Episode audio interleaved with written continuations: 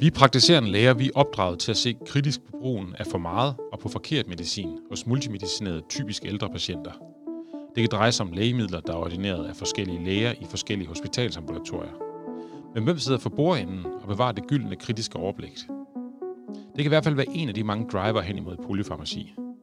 Men når det så er sagt, udgør polyfarmaci så kerneproblemet for de multisyge patienter? Eller afspejler den lange medicinløste blot de mange sygdomme, som patienten har? Mit navn er Christian Føtz. Jeg er speciallæge i almindelig medicin og redaktør for Månedskriftet. Vi skal i dag tale om multisygdom og tage udgangspunkt i det måske retoriske spørgsmål, er polyfarmaci problemet?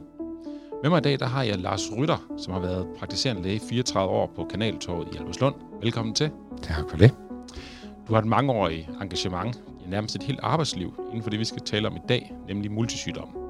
Dels som praktisk konsulent, dels som forfatter til utallige vejledninger – og dels som underviser og som KP-konsulent. Så Lars, jeg prøver at starte det her ud med at stille dig spørgsmålet. Er polyfarmaci problemet? Jeg bliver nødt til at svare både og. Fordi medicin og den omfattende medicinering, vi udsætter befolkningen, og især de ældre for, er noget, vi skal forholde os kritisk til.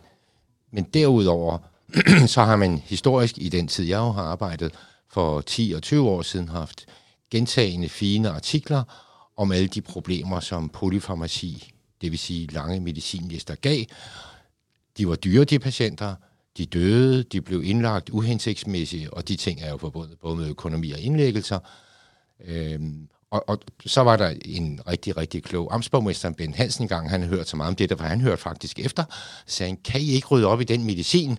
For vi kan jo ikke have de her dyre patienter. Hvis I rydder op, så bliver det jo billigere.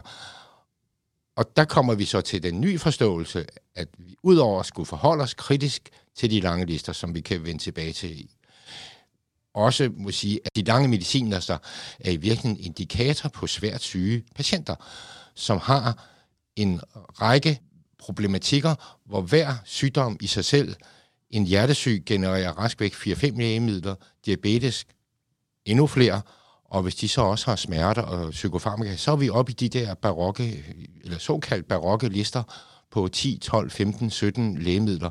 Er det, er, er, er, det, er det forkert? Det vil jeg så, så problematisere. Det er i hvert fald et udtryk for, at vi står over for nogle svært syge, og de historiske artikler om økonomi og indlæggelse og død var jo for så vidt ikke medicinens skyld, men et udtryk for, at de bare var svært syge. Og så skal vi selvfølgelig alligevel huske at forholde os kritisk til lange lister og justere dem, og det kan vi så eventuelt også kort berøre.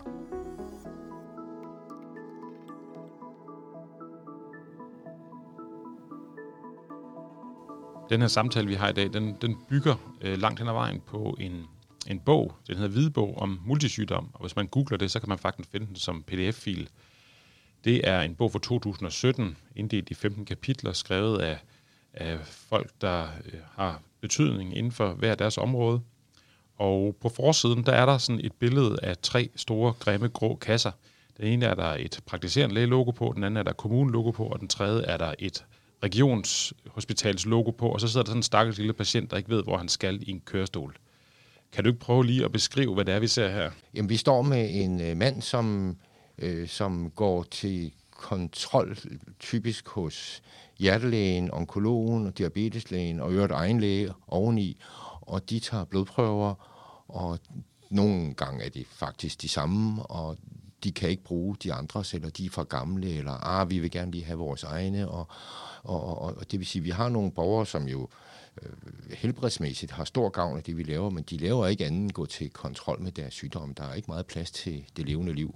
Og da du tit i den her situation måske er ældre, måske kan man ikke lade sig transportere, så har man en ægtefælde, som måske også har en lille smule, og så har man altså et ældre ægtepar, som stort set får, der er faktisk lavet noget forskning, som omkring hvor meget tid ældre bruger, altså som er i den her kategori, bruger på at få transporteret sig ind til blodprøver på et hospital, som er rigtig svært at parkere for at komme igen for svar. Og når man så har det tre gange, og øvrigt har ægtefælden et tilsvarende forløb et andet sted, så bliver det en fuldtidsbeskæftigelse at være syg. Når vi nu sidder med vores patienter og øh, skal lave årskontrol, eller hvad vi nu skal, og skal vurdere deres medicinliste, så er det et meget nyttigt begreb, det her med forventet restlevetid, som jeg også ved, I introducerer i DSM-vejledningen, den ældre patient. Kan du ikke lige prøve at fortælle os, hvad det er for et begreb? Ja, det er et simpelt statistisk begreb. Når man er blevet 75, 80, 85 år, hvor lang tid har man så i gennemsnit tilbage? Og det er jo forbavsende meget. Det er jo som 75-årige er det jo 10-12 år, og selv 90-årige har i gennemsnit adskillige års gennemsnitlig restlevetid. Det næste, der sker, det er så, at lægen skal jo se på, er det så en patient, som er bedre eller dårligere end gennemsnittet. Med udgangspunkt er at tænke, hvor lang tid har den her patient tilbage at leve i, hvilket har betydning for, om det giver mening at iværksætte for eksempel en forebyggende behandling. Så for at lige gøre det helt konkret, når jeg sidder over for en patient, og patienten for eksempel er en 75-årig kvinde, så kan jeg gå ind i den her tabel og sige, at hun er fyldt 75 år. Så ja. derfor statistisk set... Vil så, hun have 11-12 år tilbage. Og så kan jeg så efter det stratificere lidt ind i mit eget hoved, og så sige, okay, hun har trods alt... Ja, hun kører bil, og eller hun er på vej på plejehjem, bare for at tage sådan, ja. altså køre bil, synes jeg er sådan en udmærket indikator på at være velfungerende, eller hun er på vej på plejehjem, øh, bare for at tage sådan ting, eller øh, altså så midt imellem, så er der nogen, der kommer med rollator eller et eller andet. Men alligevel, man kan se en, eller man kan jo høre til på deres aktivitetsniveau, det er folk, som er i gang og komme ud af hjemmet, og ja, så kører bil, synes jeg, er sådan en rigtig solid indikator på at være velfungerende. Ikke? Så er det jo altså plus plus til de der 12 år øh, for en 75 år eksempelvis.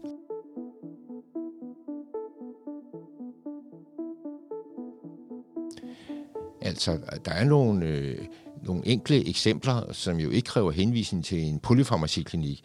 For eksempel simpel dobbeltmedicinering. Eksempelvis NSAID-præparater, der har forskellige navne. Så det kan være en ortopædikirurgisk afdeling, som har et eller andet særligt øh, smertestillende, og det viser sig at være et NSAID, som bliver givet oven i det ibuprofen, de får i forvejen. Øh, og i øvrigt er der, at det ibuprofen fås jo også i håndkøb. Så, så og simpel dobbeltmedicinering og få gennemskuddet, at der bag et eller andet navn, som man ikke lige kender, fordi en afdeling har et særligt valg, der ligger en dobbeltmedicinering. Det er, en, det er oplagt at få afdækket. I mit, øvrigt, i mit eget computersystem, der kan man faktisk sortere øh, lægemidlerne på ICC-grupper, sådan så man får støtte til at sige, halløj, her er tre grupper, tre lægemidler i samme gruppe, så man kan også godt få noget hjælp den vej rundt. Og her er vi jo så også hen med noget, som jeg mener, at vores personale faktisk bør have blik for. Tilgang er jo vidtgående. Vi skal have de her kronisk syge passet af vores personale, simpelthen af kapacitetsmæssige grunde på lægesiden. Så det, og det er nogle simple ting, som vi også må bede vores personale være opmærksom på. Et andet område, hvis jeg bare skal nøjes med to eksempler, det er jo AK-behandling. AK-behandling har jo leveret fantastiske resultater, eksempelvis NOAC, for øh, atrieflimmer osv. Men når man ser på det fra et populationsperspektiv, så er det 25 procent af plus 75-årige, der faktisk er i en eller anden form for AK-behandling. Og deriblandt er der faktisk en del, som er i dobbeltbehandling. Hjertemagnyl kan man jo få i håndkøb.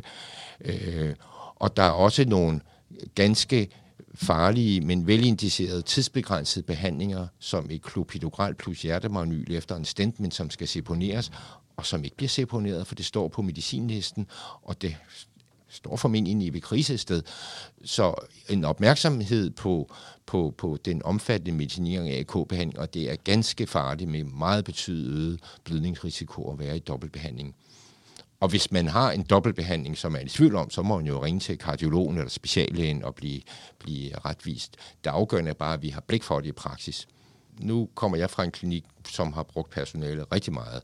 Og eksempelvis vores øh, opsøgende hjemmebesøg. Hjemmet blev jo foregået af et sygeplejerskebesøg. Her i indgik, at de jo netop kiggede medicinlisten kritisk igennem og fandt de her ting. Sådan så da jeg kom til det, så var der fire spørgsmål. Du skal kigge på på øh, patientens eget ønske, ondt i ryggen, som slet ikke stod på min tjekliste, og så skal du kigge på de og de lægemidler. Så det at få vores personale tænkt på de der simple, men ganske hyppige ting, det synes jeg er vigtigt.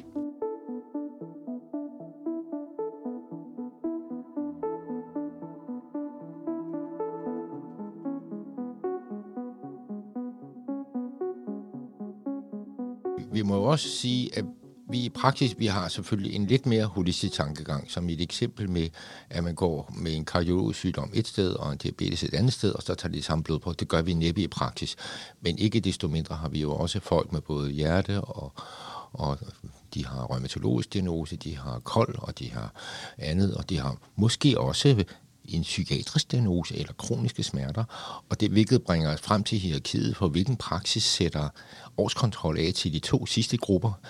Og vi er nu ved at arbejde os ind i det, jeg kalder hierarkiet af sygdomme. På toppen af alt står, som altid, diabetes. Det var diabetes, vi startede med i Datafangst for 10-15 år siden, og nu kommer Novo igen med en kæmpe indsats omkring diabetes. Og det er ikke for at nedvurdere diabetes, som er en hyppig og alvorlig sygdom, hvor der er en masse god behandling at give.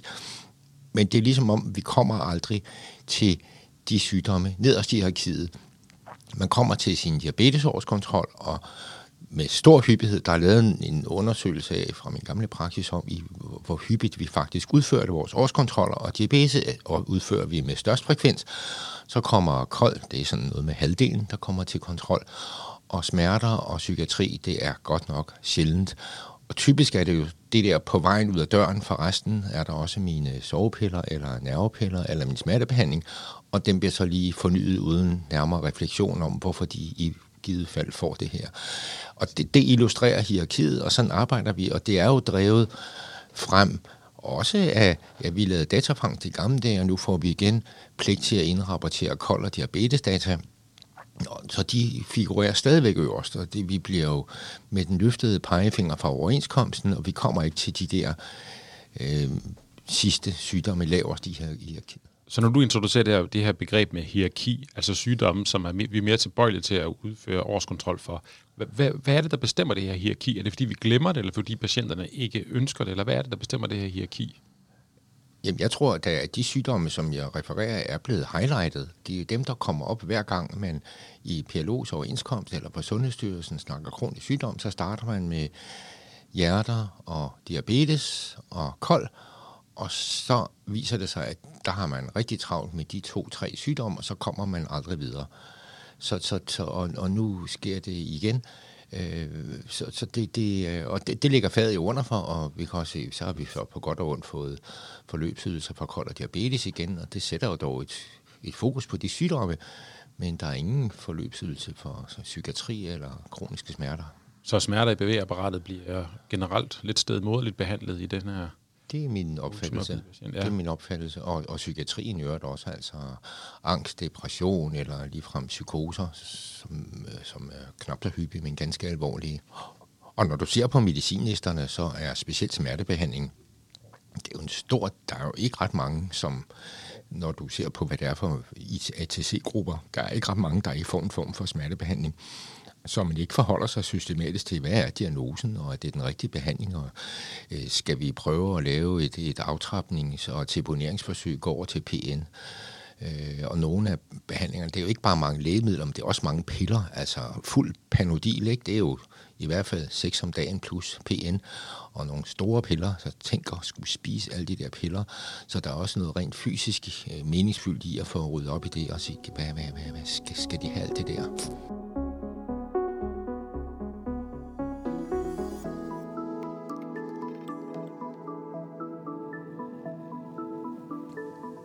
Der er lige blevet offentliggjort et studie fra British Journal of General Practice, et studie, som er lavet i Aarhus, som viser, at praktiserende læges risiko for at brænde ud, det stiger med antallet af multisyge patienter. Og det er jo lidt, det er jo lidt trist. Og har, du nogle, har du nogle bud på, hvorfor? Jeg tror, at det er konflikten, hvor vi er drevet af tjeklister for enkeltsygdomme, og vi opbygger vores kontrolsystem om årskontroller, og så tager vi så diabetes igen igen. Det er jo ikke bare lige svar på blodprøver. Du skal lave øh, Øh, sensibilitet på fødderne, du skal tjekke deres øjenundersøgelser, og måske skrive nogle henvisninger til fodterapeut og andet. Og det er ganske tidskrævende.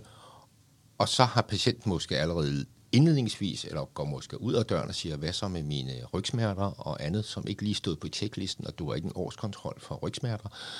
Og det frustrerer lægen, fordi vi ved jo faktisk, at patienten siger noget meningsfyldt, men det passer ikke til den måde, vi bliver drevet frem. Jeg kender de der eksempler på en lægelig planlagt helårskontrol, som så blev efterfulgt af de der mere detaljerede checklisteagtige, men lige så vigtige ting for så vidt, men som vidtgående kan laves af personale, det kunne være en model for fremtiden. Og nu vi er ved fremtiden. Hvordan, øh, hvordan ser fremtidens multisygdom ud? Hvad, hvad er coming up? Ja, der er jo nogle sygdomme på vej, Øh, og vi ved det godt, øh, og det er jo kræftområdet. Og det er jo, da jeg var ung læge, der døde en tredjedel af hjerte, en tredjedel af kræft og en tredjedel af andet. I øvrigt herunder nyresygdom, som man meget sjældent dør endnu om dagen, men det var noget med 10 procent i gamle dage.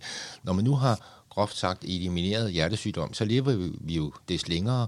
Jeg ved faktisk ikke, hvordan lavkagen ser ud i dag, men det er helt sikkert, at kræft er blevet meget mere fremtrædende, ikke bare som dødsårsag, men som sygdomsårsag. Og så kommer vi frem ved den her multisygdomssnak, fordi kræftoverleverne, de bliver, ja, de er mange, og de bliver flere. Og det næste, det er jo kræftsygdom nummer to. Allerede nu er det således, at at 20 procent af nydiagnostiserede kræfttilfælde, og vi snakker ikke om recidiv af primærsygdom, altså recidiv af mammakancer, men en helt anden kræftsygdom. Øh, det, det, det, så kræftsygdom nummer to, det er 20 procent af dem, der bliver diagnostiseret i dag. Og det fylder voldsomt i hospitalerne, fordi de lever jo heldigvis længe. Det er jo et af de store succeshistorier. Men hospitalerne drukner i det, og dybest set er hospitalernes kerneydelse, det er jo at levere de der øvrigt fremragende kræftpakker med diagnostik og primær indsatskirurgi og stråler og hvad ved jeg. Og, og det vil sige, før eller siden vil det også ramme praksis, at den store gruppe, den skal vi overtage. Jeg kunne forestille mig, at hvis vi skal sidde med øh, med mange canceroverlevere, så vil, vi, så vil vi jo sidde med sen, senfølger af behandling og måske recidiver eller alle mulige kan man sige, underlige bivirkninger, der kan komme af, af det forløb. Det, det kræver også en form for specialiseret viden at skulle forholde sig til det. At det, det er helt sikkert, at det forudsætter bestemt efteruddannelse. Det er jo en faglig ting, som vi slet ikke står med i dag. Men i øvrigt tror jeg også, at det er noget, som vil ligge rigtig godt til personale i praksis. Altså, og man vil jo nok gøre det, at man flytter en sygdom ud af gangen. Altså, noget af det, som ligger lige for, det er jo de urologiske, fordi PSA for prostatakræft er en, en undersøgelse, som Jon først snakker om. Det er jo ikke en kompleks billeddiagnostik, som er en del af kontrolforløbet. Og så må vi og vores personale jo blive trænet i, hvad skal vi gøre? Og i øvrigt skal der også her være en support, så hvis der kommer et svar eller noget, man er i tvivl om, så skal man ikke vente tre måneder. Så skal vi altså have en hotline og svar i dag, så jeg kan give patienten svar i morgen, sådan så de ikke skal føle sig dårligere behandlet, fordi de går hos os. Her til allersidst, så kunne jeg godt tænke mig lige at prøve at stille det samme spørgsmål, som jeg gjorde i starten. Hmm. Er polyfarmaci problemet? Og svaret bliver både og. Vi skal bevare det kritiske blik på oplagt uhensigtsmæssig medicinering. Samtidig med, at det nye er, at den lange medicinliste er en indikator på, at vi står med en multisyg, og det giver os anledning til overvejelser. Har vi den rette kontrolforløb omkring den her patient, som kommer hele vejen rundt om alle de den multisyges problemer? Lars Rytter, tusind tak, fordi du gerne var med i dag. Tak fordi jeg måtte komme.